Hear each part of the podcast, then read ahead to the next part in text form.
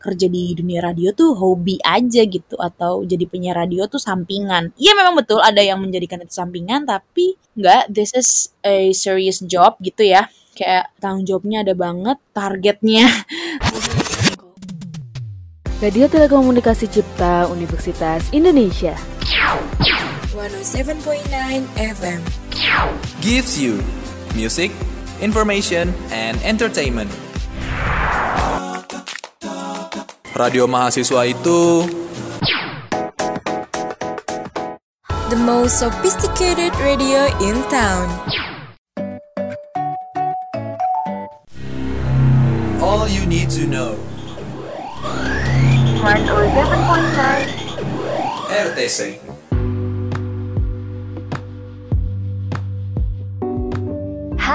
Gen Muda, Novia Fasha is here and welcome to the last episode of Alumni Series. Ini episode yang ditunggu-tunggu banget sama Gen Muda di tiap hari Minggu. Karena emang seru banget kita bisa tahu dunia kerja tuh langsung sama praktisinya gitu kan.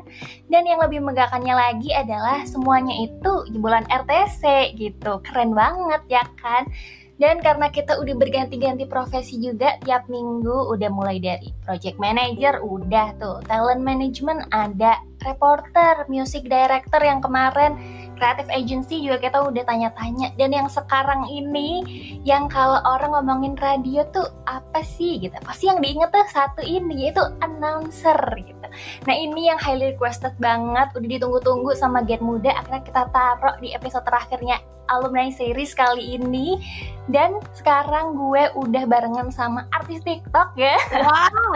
kali ini kenalin Kak Raya Sabrina. Hai, Halo. gen muda. Ya ampun aku udah lama banget nggak ngomong gen muda, tidak memanggil. Karena dulu aku juga siap RTS dong, seperti Novia. Betul. Ini nggak usah perkenalan tuh Gen Muda udah tahu sebenarnya Raya Sabrina tuh siapa. Sebelum itu Selalu ya, muncul tuh di episode orang-orang. bener-bener kayak sebelum itu lo bilang jangan judge aku apos se opening lo bagus gak usah ngadi-ngadi ya Enggak, enggak. udah apa sih kata insecure gitu bagus Masih ya apalah. eh tapi ini kan karena kita nggak bertemu langsung gitu ya, karena semua kondisi ini, perpandemian ini, jadi gue nggak tahu nih Kak Raya tuh lagi di mana, lagi ngapain, nggak tahu. Nah Kak Raya, emang selama pandemi ini lagi sibuk apaan? Oke oke, sekaligus menyapa Gen Muda ya. Hai Gen Muda, gue Raya Sabrina. Gue penyiar Gen FM yang tadinya juga penyiar di UPC. Gue 4 tahun di atasnya Novia, jadi ya masih bisa dipanggil kak kok, belum tante. Terus juga sekarang lagi, lumayan aktif bikin konten di TikTok maupun Instagram, tapi most of the time TikTok sih. Ya, mungkin lo ada beberapa yang pernah ngeliat gue di FYP lo, terima kasih. Terus selama pandemi ini ya kegiatannya adalah siaran udah pasti siaran dari rumah, siaran dari studio bolak-balik aja. Kalau lagi harus di rumah ya di rumah, kalau bisa di studio ya di studio gitu. Karena kan nggak pasti juga nih sekarang schedule-nya uh, siarannya karena pandemi. Terus aku juga nge-host bisa dari rumah, bisa nge-host di studio gitu. Tergantung deh sekarang semuanya nggak ada yang pasti jadi hybrid banget activity-nya gitu. Nge-MC juga nge-MC off air baru sekali em, selama pandemi ya dari bulan Maret tuh baru sekali yang bener-bener off air gitu itu pun gak ada audiensnya audiensnya ketemunya di live Instagram jadi lagi menjalani kehidupan yang sangat-sangat hybrid lah Kehidupan virtual ini ya, ya udah. Ini juga gue habis lihat-lihat kayaknya tiga jam yang lalu abis siaran tapi dari rumah nih. betul tadi habis siaran di Gen FM jam 1 sampai jam 4 langsung kolan sama Novia ya Betul. Oke deh, sebelum kita masuk lagi, gue akan kepoin tentang gimana sih dunia RTC waktu Karaye dulu masih di RTC, terus juga yang pastinya dikepoin semua orang, emang kehidupan jadi penyiar kayak apa gitu kan? Karaye ini dulunya di UI angkatan berapa, jurusan apa, dari fakultas mana? Jadi gue tuh angkatan 2014 masuknya. Gue masuk tahun 2014 em, mahasiswa vokasi komunikasi, eh, lebih tepatnya jurusannya broadcasting. Udah gitu gue masuk ke UKM RTS itu langsung di tahun pertama gue. Siaran gue lupa deh di tahun pertama apa di tahun kedua ya. Karena gue vokasi, jadi karena gue kuliahnya cuma tiga tahun kan dibanding kolega RTS yang lain kuliahnya 4 tahun. Gue jadi lebih sebentar waktu di RTS-nya gitu Nah, jadi eh, masuk RTS eh, masuk RTS itu Kolega 2015 Ya, berarti. koleganya 2015 betul.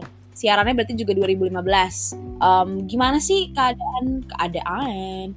Maksudnya saat itu RTS tuh eh, dunianya seperti apa ya? Jujur karena mungkin gua juga di komunikasi juga, gue di broadcasting, itu tuh kayak perpanjangan kuliah aja jatuhnya karena gua di kuliah sangat awam dengan dunia radio, tugas-tugasnya juga dunia radio, UKM-nya radio pula. Jadi emang selama kuliah kayaknya UKM pun rasa-rasa kuliah, rasa-rasa broadcasting gitu. Menyenangkan udah pasti ketemu sama teman-teman yang di luar fakultas gitu banyak dapat insight karena jadinya banyak ngobrol kan. Kalau di fakultas gue gini apa segala macam itu suatu hal yang menyenangkan buat gue. Hmm, emang passionate ya anaknya. Eh iya, iya gitu deh. Maksudnya kalau dibilang passionate ada juga sih gue ya manusia aja kak ada semangatnya, ada kayak demot-demotnya. Aduh, bentar deh nih tugas kuliah belum selesai nih. gitu kayak aduh tuh. ada ada gitu-gitunya mah ada jadi pengalaman banget sih soalnya yang bikin menarik banget juga pengalaman di RTS adalah studionya yang di tengah-tengah apa ya ke organikan studionya tuh raw gitu ya lingkungannya. Di sampingnya anak anak mapala ya kan? Betul. jadi masuk-masuk kayak "Ih, ada loh ada kapal karet gitu. Kok di kiri ada tali tambak berserakan gitu. Jadi sangat konsepnya tuh raw gitu. Studio itu menurut gue itu itu suatu pengalaman juga sih gitu Eh tapi jangan salah tahu. Sekarang kita studio udah ganti, udah pindah. Iya, udah ganti. Kita di Pusgio baru. Jadi kita di lantai 7 tuh. Hmm. oh my Untungnya sih ada lift ya, untungnya. ya capek dong mak kalau kalau naik tangga Eh tapi ngadepnya beneran langsung ke ini, yang ke Texas. Kebayang nggak kalau siaran malam-malam takut sendirian ya kan? takut mak Banget. Tapi Pusgio rame sih kalau misalkan malam-malam. iya ya aduh udah lama banget gak ke UI kangen banget sama UI sumpah deh Oke kak, aku pengen nanya. Tadi kan langsung masuk ke RTC ya kan? Itu tuh announcer. Kenapa sih milih announcer? Emang ada apa dengan announcer? Oke, jadi dari aku SMA, jadi tuh gue tuh SMA sebenarnya udah terpapar sama industri radio gitu. Kalau misalnya banyak senior-senior gue yang sekarang siaran itu jadi penyiar karena pas kecilnya suka banget sama radio, maksudnya bener-bener pendengar radio gitu ya, suka ala-ala siaran dari kecil gitu, ngerekam-rekam pakai tape gitu.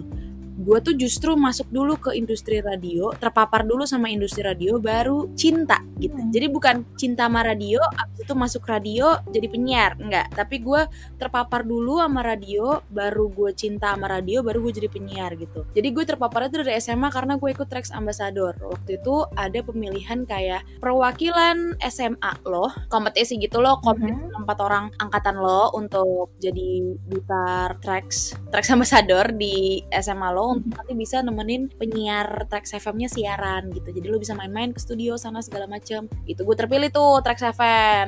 Gue jadi Trax Ambassador, ketemu sama Kak Anka Tama, ketemu sama kalau tahu sama Kak Reza Candika, sama Kak Hanum, Tahu tahu. pokoknya Kak Radini orang-orang yang keren sekarang tuh dulunya adalah gue ngeliat mereka gitu wow keren ya akhirnya ya udah emang anaknya suka ngomong terus gue ikutan aja deh penyiar radio di kampus gitu. Ih seru nih. Terus dia mulai kuliah tesnya tuh lucu.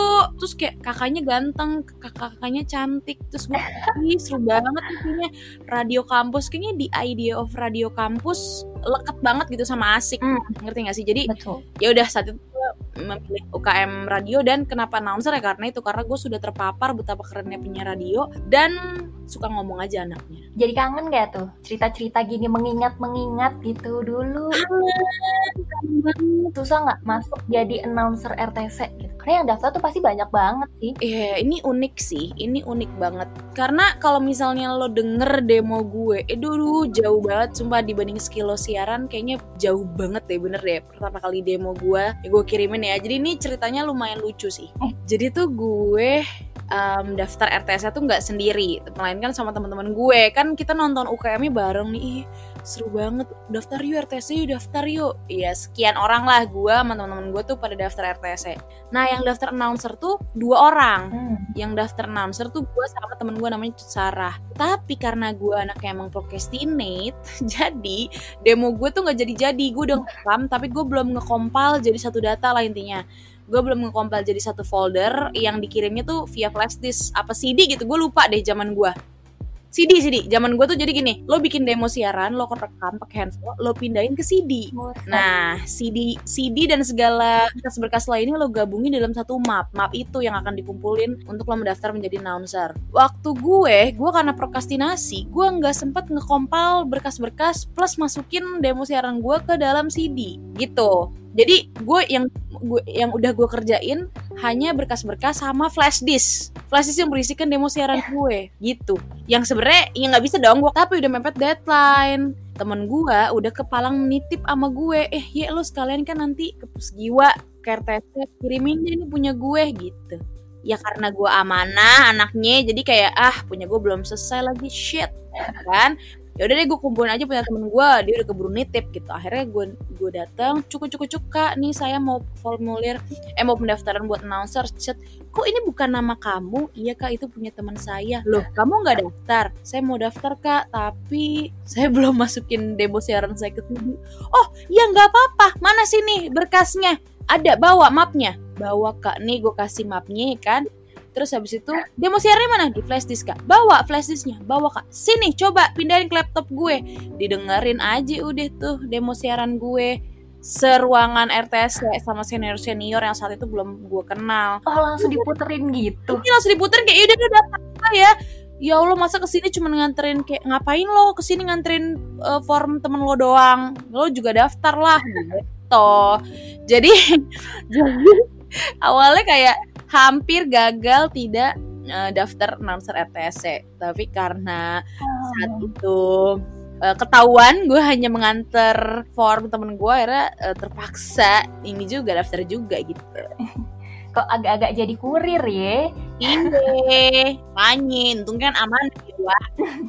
Kalau udah pas diterima nih jadi announcer, ada cerita lucu lagi nggak tuh? Yang berkesan banget gitu, yang paling dikangenin. Pas jadi announcer sih, jadi gue nggak tahu ya kalau zaman kalian gimana, tapi pas zaman gue tuh, jadi lo announcer nih, terus habis lo training kan, lo training, lo kayak weekend gitu Sabtu atau Minggu gitu, lo ada hari-hari di mana lo dikumpulin untuk mendapatkan materi, entah itu dari alumni atau dari alumni sih, alumni atau senior gitu ya, alumni yang sudah expertise gitu, yang sudah terjun ke industri langsung udah jadi penyiar beneran. Ngasih-ngasih materi tuh. Nah setelah lo mendapatkan beberapa materi training berapa kali gitu berapa sesi lo itu akan eval. Jadi lo akan siaran di studio beberapa cut gitu. Nggak sih setahu gue tuh seinget gue opening soft news hard news terus abis itu closing deh. Setahu- Interview, ya interview ya. Pokoknya gue lupa. Iya. pokoknya kan Yang ini kan, yang kayak role play gitu kan, kayak senior kita tuh berpura-pura jadi artis gitu, terus kayak ngomongnya, gayanya, logatnya dimirip-miripin nama tuh artis, kita harus nebak tuh. oh iya ya Kalau gue Iya deh kayaknya Iya. gue lupa deh pokoknya pokoknya itu intinya nah itu namanya adalah eval gue lupa gue lupa gue lupa deh ya harus nelpon ya iya lagi enggak, eh tapi enggak kalau di gue enggak kak. enggak ya Dia pura-pura aja gitu role play. oh Jadi kayak kita ice breaking gitu, nebaknya kayak lagi hai lagi sibuk apa, terus kan dia pasti jawab kan. Misalnya dia waktu itu gue kedapetannya BCL tuh. Jadi si head of announcer gue waktu itu Hmm. dia bilang kayak iya lagi sibuk abis ngeluarin film yang kedua gitu. Terus gue tanya kan, iya lucu ya filmnya. Untung pas banget kan.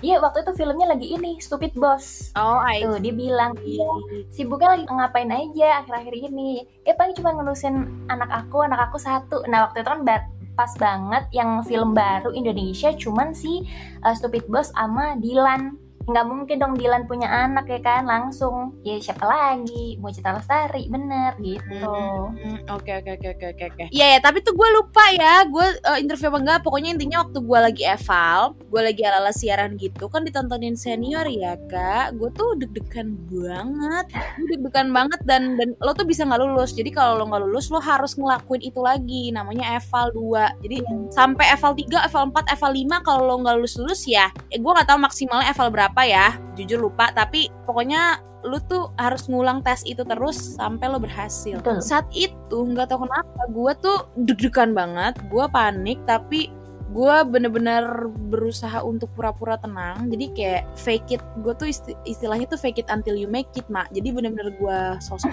nangin sosok relax ya kan? Disantai-santain gitu. Siaran mixing apa sih apa sih megang mixer nelpon apa segala macam soft news hard news dan segala macamnya gue nggak stuck intinya alhamdulillahnya gue nggak stuck di tengah-tengah. Karena gue berusaha tenang dan gue nggak blank di tengah-tengah ternyata gue lulus eval 1 gitu padahal Iya, gue nggak ngerasa tapi bener ya. Ini gue beneran nggak ngerasa skill gue saat itu.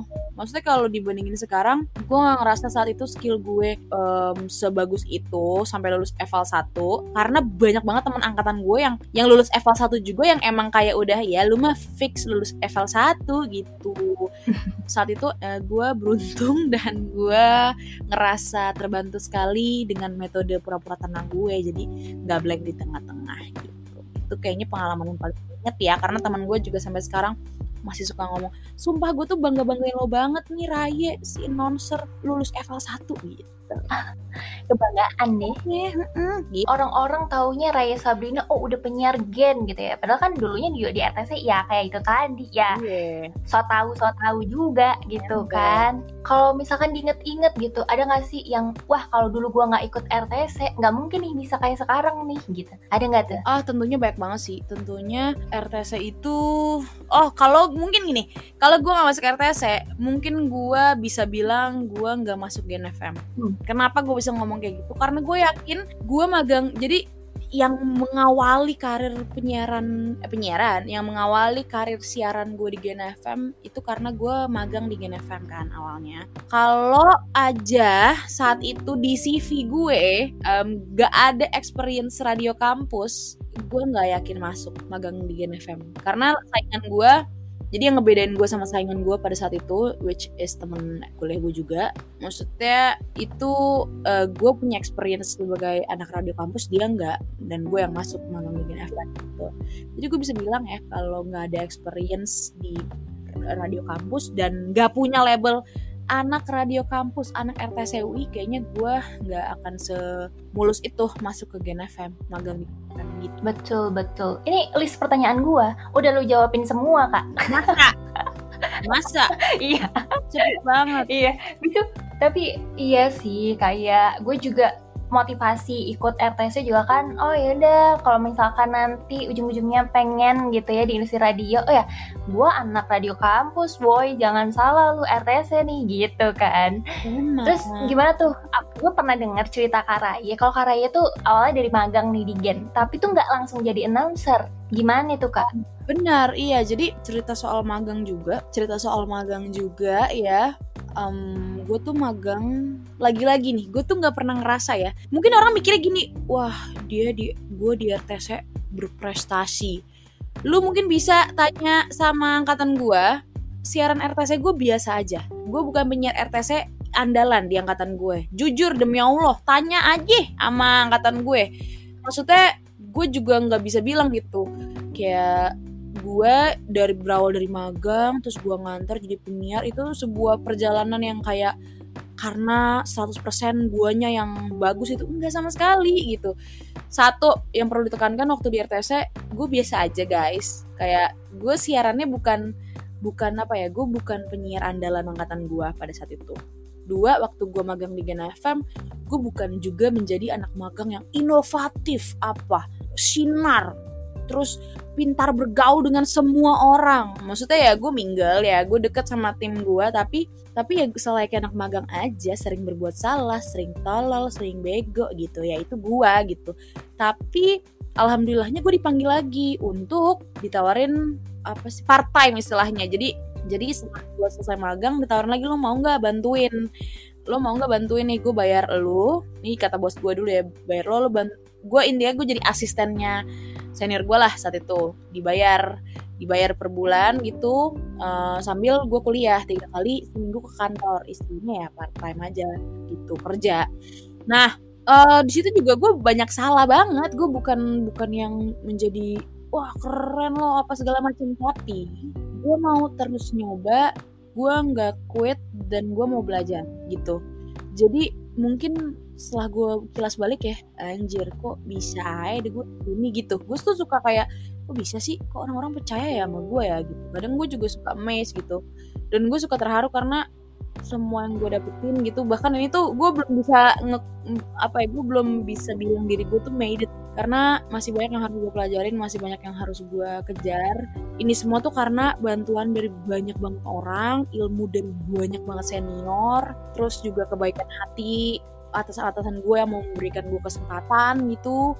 Jadi awalnya ya itu karena gue magang gue di call buat part time terus selesai gue lulus selesai gue lulus kuliah selesai wisuda alhamdulillahnya pas banget posisi PR kosong.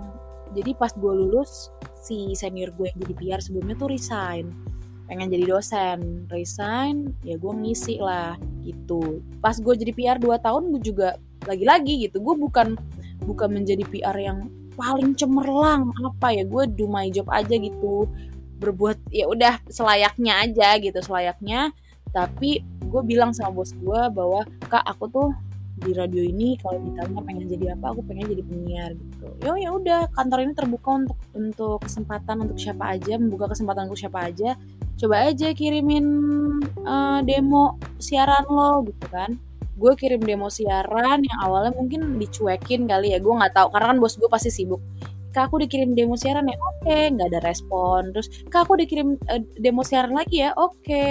nggak ada respon sampai akhirnya sampai akhirnya mungkin mereka melihat improve siaran gue, improve dari demo siaran gue, gue juga getol cari ilmu sama senior senior, gue minta waktu senior gitu yang udah siaran kayak Kak Joy, lo mau nggak ajarin gue siaran?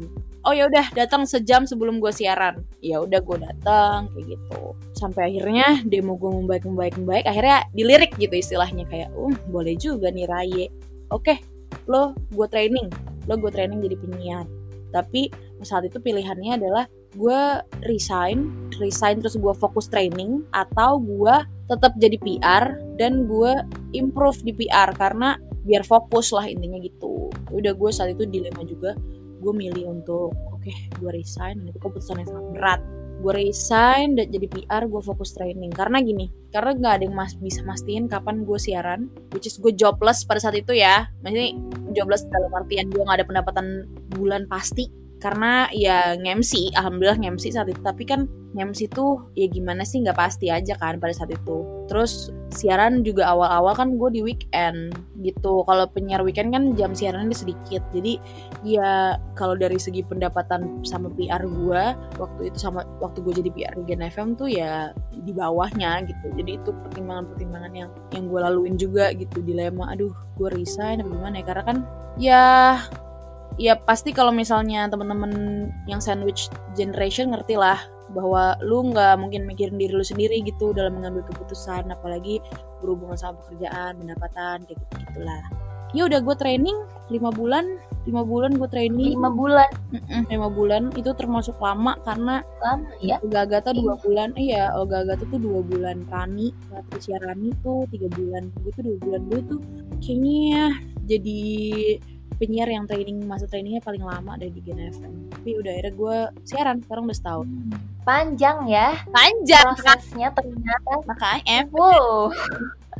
Nggak gampang. Eh kalau orang awam ya pura-puranya nih sebagai pertanyaan orang awam aja nih gue nggak tahu dunia radio tuh ngapain gitu. Misalnya penyiar radio tuh emang job desknya apaan sih kak? Gitu apa tinggal datang nih ke studio duduk pegang mic gitu terus ngomong aja udah gitu.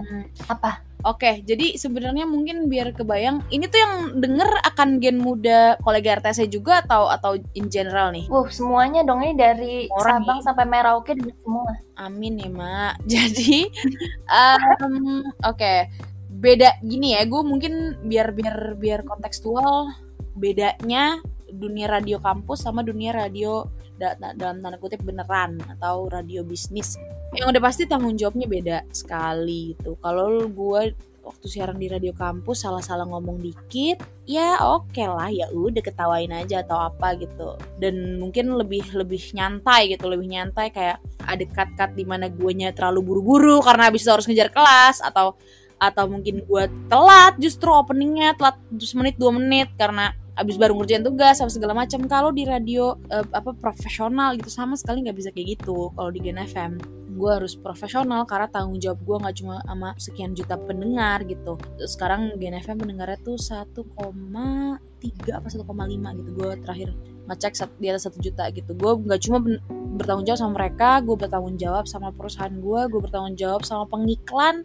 Jadi tanggung jawabnya uh, udah pasti beda terus abis itu penyiar radio kerja di radio adalah pekerjaan yang serius sama aja kayak pekerjaan-pekerjaan lainnya gitu. Eh mungkin ke apa ya mungkin masih ada stigma bahwa kerja di dunia radio tuh hobi aja gitu atau jadi penyiar radio tuh sampingan. Iya memang betul ada yang menjadikan itu sampingan tapi enggak this is a serious job gitu ya. Kayak tanggung jawabnya ada banget targetnya target penjualannya luar biasa. Semuanya tuh sama aja kayak perusahaan lainnya pada umumnya gitu. Dan tapi eh, bedanya itu ya bedanya jadi pasti lebih serius pasti lebih tanggung jawab.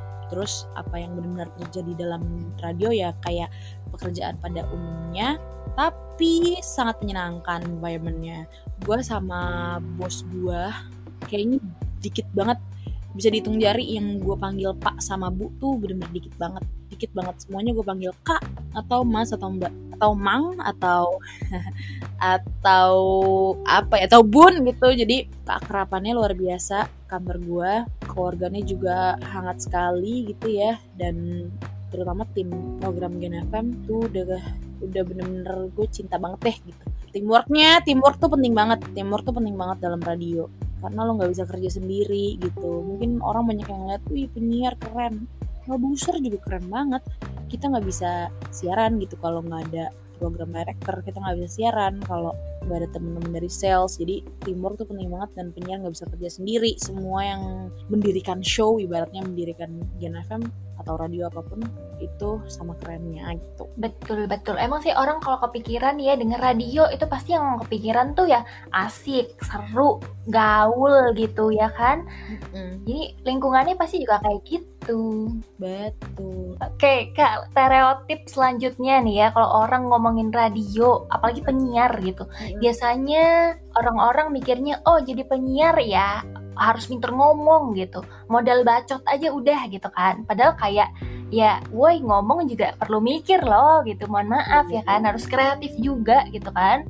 Nah, terus apa aja sih Kak sebenarnya kemampuan, skill gitu yang harus dimiliki untuk menjadi seorang penyiar kayak apa aja gitu? Tell us the truth. Oke, stereotip yang pertama sebelum ngebahas penyiar itu ngomong doang adalah penyiar itu ekstrovert ya. Ah, iya, Sering betul. banget nih gue ngepost konten di TikTok terus kayak apalah daya aku yang introvert.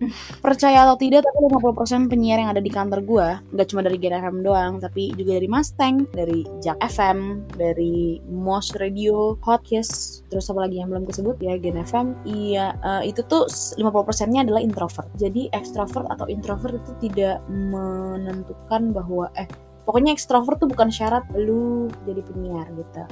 Banyak banget banyak banget juga penyiar yang introvert karena nggak harus jadi ekstrovert kok lo untuk jadi penyiar atau sebu- seorang public speaker. Hmm. terus habis itu yang kedua itu ngomong doang. Iya rasain dulu say. Gimana caranya lo mixing lo harus megang alat sendiri. Karena kalau di Gen FM nggak ada operatornya lo operate sendiri. Terus gimana caranya lo harus sudah terbiasa mikir cepet. Karena kejadian-kejadian yang ada di ruang siaran tuh sangat bisa terjadi apa aja gitu. Kayak entah misalnya klien mesti interview ba- eh, interview by phone sama klien tapi kliennya belum ready. Terus habis itu ada materi-materi dadakan ada interview dadakan let's say. Itu kan sesuatu hal yang yang perlu mental juga gitu. Lo mesti mikir cepet lo mesti push lo mesti konsen gitu. Jadi kalau ngomong doang enggak sih. Ngomong pun bener banget kata Novia mesti mikir gitu. Kalau asal ngomong kan eh, ya gimana ya masa asbun nggak kredibel. gak kredibel jadi lo kan juga nggak balik lagi lo nggak bisa asal ngomong karena tanggung jawab lo banyak tanggung jawab pendengar tanggung jawab ke iklan ke klien gitu kan Betul. Dan harus kreatif juga sih. Maksudnya kayak gamenya Karayin kalau di TikTok ya yang suka ngeduetin nih, yang mainan bridging-bridging ya kan. Hmm, itu kan juga butuh kreativitas gitu. iya apa yang jadi kayak em, terlepas dari konten-konten gue di TikTok ya tapi air personality itu emang penting banget gitu. Jadi um, gue nggak nggak apa ya waktu itu gue pernah ditanya itu gue lupa di mana. Kayak branding tuh sepenting itu nggak sih buat penyiar? Branding gue lebih mungkin lebih senang nyebutnya air personality ya. Jadi ketika lu jadi diri lu sendiri di fan mic gitu ya di, di di telinga pendengar lo tapi juga menjadi seseorang yang istilahnya tuh diri lo sendiri tapi the best version of you gitu. Hmm. jadi bukan berarti gue orangnya nyablak tapi di radio gue juga bisa seenak-enaknya ngomong kan enggak gitu juga. Tapi ya gue nggak so cantik juga ngomongnya jadi gue tetap jadi diri gue sendiri. Gue gue tuh pengennya didengar sama pendengar gue tuh gimana sih? Gue pengen jadi orang yang relatable gue pengen jadi orang yang kalau orang denger ih mau deh main sama Raye gitu. Ya udah jadi diri gue aja karena tau gue juga kayak gitu gitu. Jadi lo nggak lo men- lo menciptakan personality lo di udara tapi juga tidak menghilangkan personality asli lo. Sesuatu yang palsu itu tidak baik bun. Dan capek ya selalu harus pura-pura ya kan? main. Kayak gini sesimpel ini sih sesimpel kayak gue nggak ngerti olahraga gue nggak ngerti bola gitu atau misalnya gue nggak paham deh ya soal investasi soal apa apa gue bahasnya dari sudut pandang gue aja gitu. Bola lah let's say. Gue bahasnya dari ih bagus ya tapi tim song di Piala Dunia kali ini gue bahasnya soal lagunya. Atau gue bahas soal tapi gue suka banget sih penampilannya ini di openingnya ini gitu. Jadi gue nggak ngebahas soal gila gocekannya si ini. Main bola siapa gue kagak tahu nggak kenal. Gue nggak mau berusaha menjadi itu. Bukan sama gue ngomongin pemain-pemain bola ya Wak. Tapi ya gue bahas dari angle yang bisa gue ambil aja. Ngomong-ngomong soal air personality juga nih, gue kan pernah juga tuh dapat materi yang air personality ya kan? Sebagai seorang announcer pasti kan dikasih trainingnya juga ya. Nah itu tuh ini kayak ya ya jelas aja nggak sih? Karena orang-orang ngedengerinnya juga cuma dari suara doang kan. Dan benar. pasti juga kalau misalkan kita lagi nggak mood harus harus ceria gitu. Kalau jadi announcer ya kan kak. ember gitu. Jadi sifat radio tuh harus personal balik lagi kalau ngomongin radio gitu. Be- beda mungkin. Jadi public speaking ini menarik sekali karena dengan media yang berbeda teknik yang digunakan untuk public speaking juga beda. Kalau untuk siaran lo tuh harus terdengar sengobrol mungkin. Lo tuh harus terdengar um, sedekat itu sama pendengar lo. Mungkin beda sama MC sama sama MC sama nge-host yang jelas-jelas audiens tahu bahwa mereka nggak sendiri bahwa mereka juga bersama dengan audiens-audiens lain yang sedang menonton si pembicara gitu kan uh, if that makes sense gitu. Kalau di radio pendengar tuh yakinnya bahwa penyiar tuh ngomongnya cuma sama dia gitu. That's why penyiar tuh ngomongnya buat kamu yang lagi makan siang buat lo yang lagi di jalan bukan buat kalian gitu itu yang gue diajarin ya tapi mungkin ada juga penyiar yang ngomong kalian tapi eh, yang gue dapetin ilmunya seperti itu jadi ya ya gitu kayak emang harus deket sih sama pendengar lo harus tahu pendengar lo kayak apa Gitu. Kalau suka duka nih, pertanyaan paling mainstream seluruh dunia yang Hmm. pasti ditanyain ke orang-orang. Emang suka dukanya jadi announcer tuh apa Kak Raye? Apa tuh Kak? Em, apa ya mungkin lu nggak bisa liburan sih. Tanggal merah lu lu harus standby. Bisa jadi itu tanggal lu siaran. Satu dua ya gitu. Gue ya jam siaran gue adalah priority gue. Mau itu ada reuni 20 tahun sekali gue akan priority. Gue harus prioritaskan siaran gue karena ya that's my job. Terus em, jadi jadi banyak banyak missing out sesuatu gitu. Entah liburan entah misalnya kumpul sama teman-teman karena hari jam itu gue siaran. Terus abis itu harus bisa dinamis harus bisa bekerja di bawah tekanan dalam artian yaitu karena kejadiannya bisa apa aja setiap hari. Bisa ada-ada aja deh dan show must go lo harus lo harus bisa fokus tetap fokus tetap siaran gitu misalnya tetap prof, harus profesional gitu atau mungkin lo harus tetap moodnya harus terjaga gitu walaupun abis sebel banget gitu sama orang eh terus on mic ya harus tetap menemani pendengar cinta gitu Sukanya sukanya. Oke, sukanya udah pasti banyak banget lah. Gila, gue sekantor sama orang-orang keren. Gue udah nggak norak lagi ketemu musisi. Gue nggak pernah norak lagi ketemu musisi kecuali musisi luar negeri ya. Iya. Gue ketemu sama orang keren hampir setiap hari. Gue gue kreat gue ada di lingkungan yang sangat kreatif orang-orang yang selalu pengen create something gue jadi termotivasi untuk oke apalagi nih apalagi nih gue gue ngerasa ada di hidup yang sangat dinamis gitu. Walaupun mungkin tetap ada rutinitasnya tapi tapi banyak banget hal-hal yang unexpected yang gue dapet. Terus gue bisa dapetin ilmu dari berbagai macam bidang karena kerja di radio memungkinkan gue untuk bertemu sama banyak orang sama banyak jenis pekerjaannya mereka gitu. Dan networkingnya gila sih gila banget. Kerja di radio tuh networkingnya gokil. Gue bisa bilang 80% tawaran MC gue itu karena networking entah karena temennya temen atau karena mantan klien atau apa kayak gitu. Terus kocak-kocak sih orang-orangnya ya lo bayangin aja lo bayangin aja deh penyiar gitu yang sendirinya jadi lucu ini ada berapa banyak penyiar bergabung di satu kantor dengan berbagai macam radio gitu. Kocak-kocak menyenangkan lah. Jadi gue ngerasa justru di umur gue 24 mungkin banyak orang yang udah freak out anjir gue 24 gue ngerasa gue muda banget sekarang. Mungkin gue bisa ngerasa ini gue umur 30-an karena jujur um, senior gue itu bos gue itu umurnya 34 sekarang. Gue ngeliat dia sama sekali nggak kayak orang 30-an gitu. Gue masih ngerasa dia itu muda banget jadi sangat amat menyalakan jiwa muda gue dan dan orang-orangnya semua berjiwa muda and it's fun. Geta. Hmm, asik ya kedengerannya ya.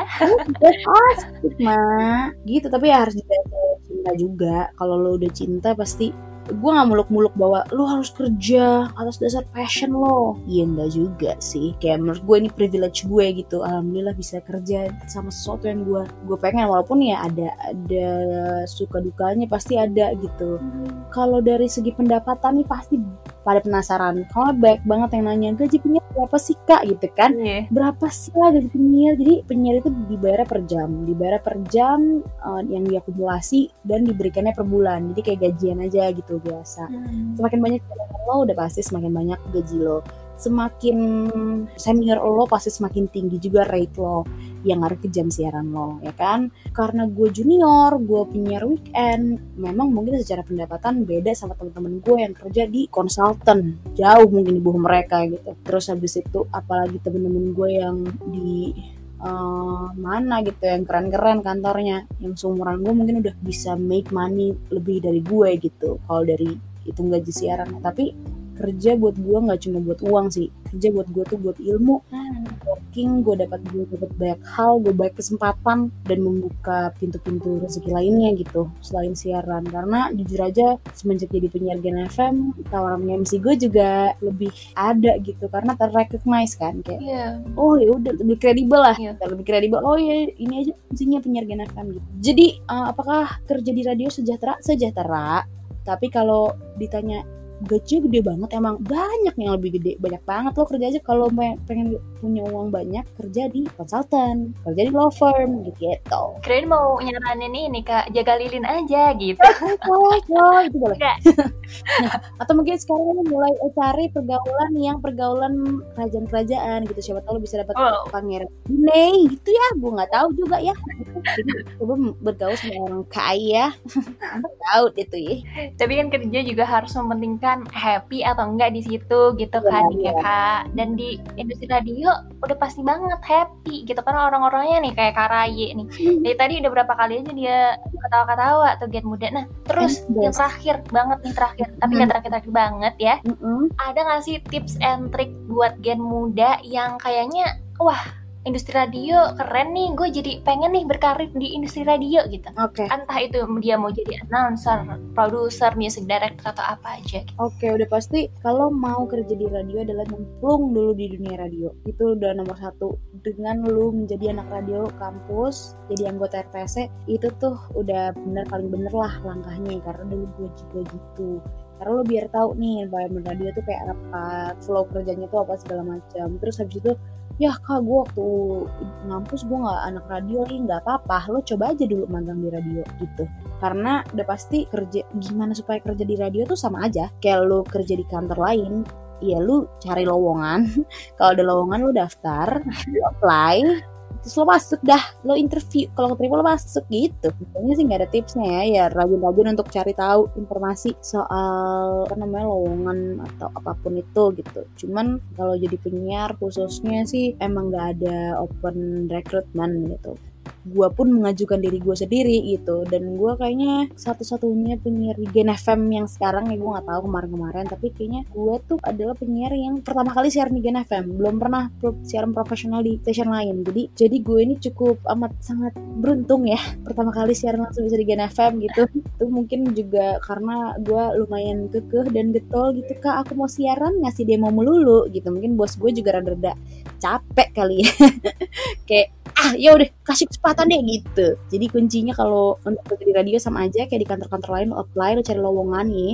Tapi kalau pengen jadi penyiar eh, saran gue cuma satu udah pasti kalau rezeki lo lo bakal jadi penyiar. Tapi yang jelas masuk aja dulu ke dunia radio nyemplung aja dulu entah itu magang entah itu misalnya jadi apa dulu. Karena kan gue ngantor juga dulu gitu. Tahu eh cari-cari banyak cari lowongan gitu. Karena banyak juga kok yang station-station radio yang open recruitment untuk jadi penyiar gitu. Untuk kayak bener-bener kayak dicari penyiar gitu. Ada pasti gitu. Cuma kalau di Gen FM ya emang nggak open recruitment. Hmm. Iya pokoknya pada intinya kalau emang lo niat ya dan mau nyari ya pasti ada aja jalannya gitu ya kak ya. bener banget Nop lo Novia lo lahir November? Iya dong masa Novia lahirnya Agustus Januari. Eh, eh, tanggal berapa? Tanggal 14 kenapa nih? Itu kamu sekarang Sekarang juga udah Desember kak udah lewat. iya bener. Aku juga November. Eh, menebak menebak. Em, 20-an ya? iya Oke, 20 berapa nggak tahu. 25 aku tapi udah masuk Sagittarius girl Padahal gue tadi nebaknya ini kak, gue tadi pengen sosok zodiak gitu kayak Karaya lo eh, Cancer ya gitu. Ah, kenapa kenapa ternyata salah. Kenapa? Enggak tapi waktu ini waktu yang kayak diceritain RTC itu yang kayak gue tuh di RTC nggak yang ini banget kok gitu kayak low key aja gitu. bener tapi Di bener orang Cancer gitu. Enggak. bener tapi Sagittarius ya ternyata. Sagi gue Hmm. Oke oke. RTC tuh emang gitu ya gen muda. Mohon maaf aja nih mainannya zodiak. Gue bener-bener ya. Emang dari dulu ya? apanya gue? Enggak, RTC. Karena awal gue masuk aja tuh kita perkenalan itu tuh udah ditanyain zodiak lo apa? Terus kita kayak makrab tuh bacain zodiak gitu. Oh iya? semuanya zodiak deh di RTC gemes. Iya. kalau gue justru tahu zodiak karena senior senior gue gitu. Oh atau ada apa nih antara radio dan zodiak? Yang bener kayaknya bun jujur. Karena dari zaman track juga udah ngomonginnya zodiak. Wow sebuah konspirasi. Nanti kita cari dan kita bikin jurnalnya ya. bener. Mungkin eh, judul skripsi lo bisa itu. Oke buat terakhir ada nggak sih kak quotes pegangan lo banget gitu? Kayak quotes hidup nih oke. yang lo banget gitu. Gue banget ya. Terus sebenarnya kalau dari presentasi ya cuman satu ini sih yang selalu gue bawa. Apa tuh? Yuk bisa yuk. Oh. Gitu.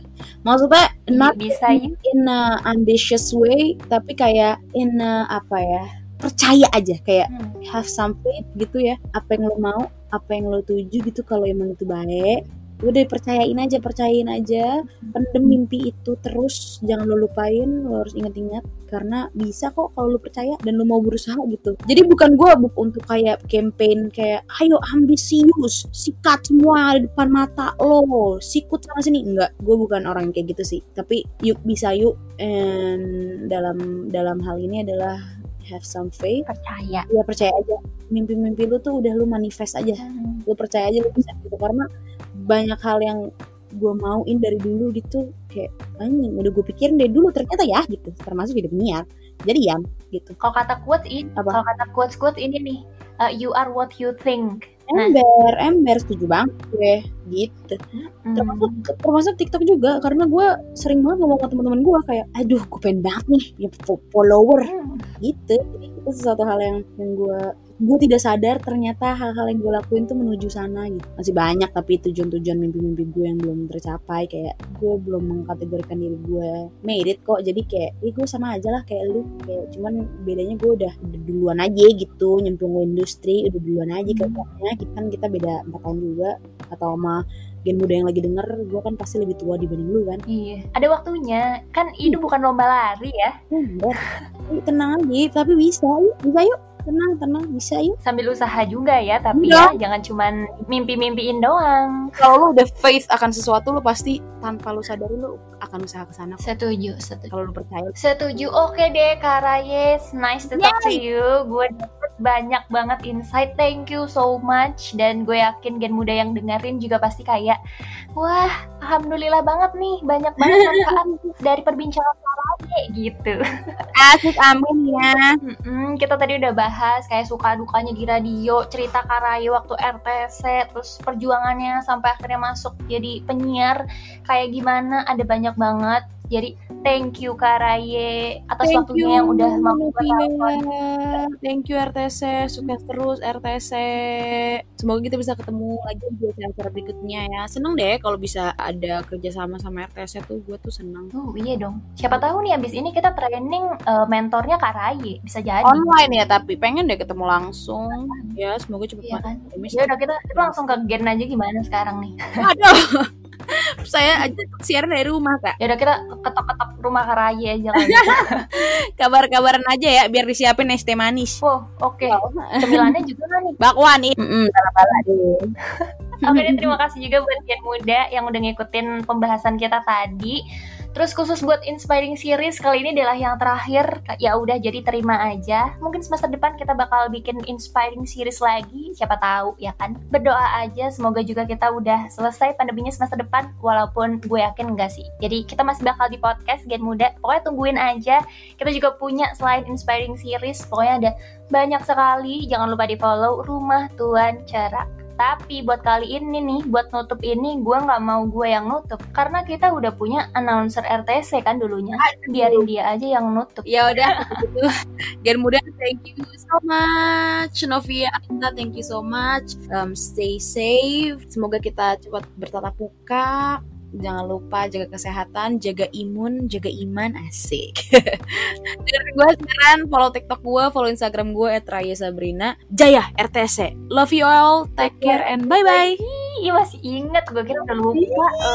Kangen, masih dong.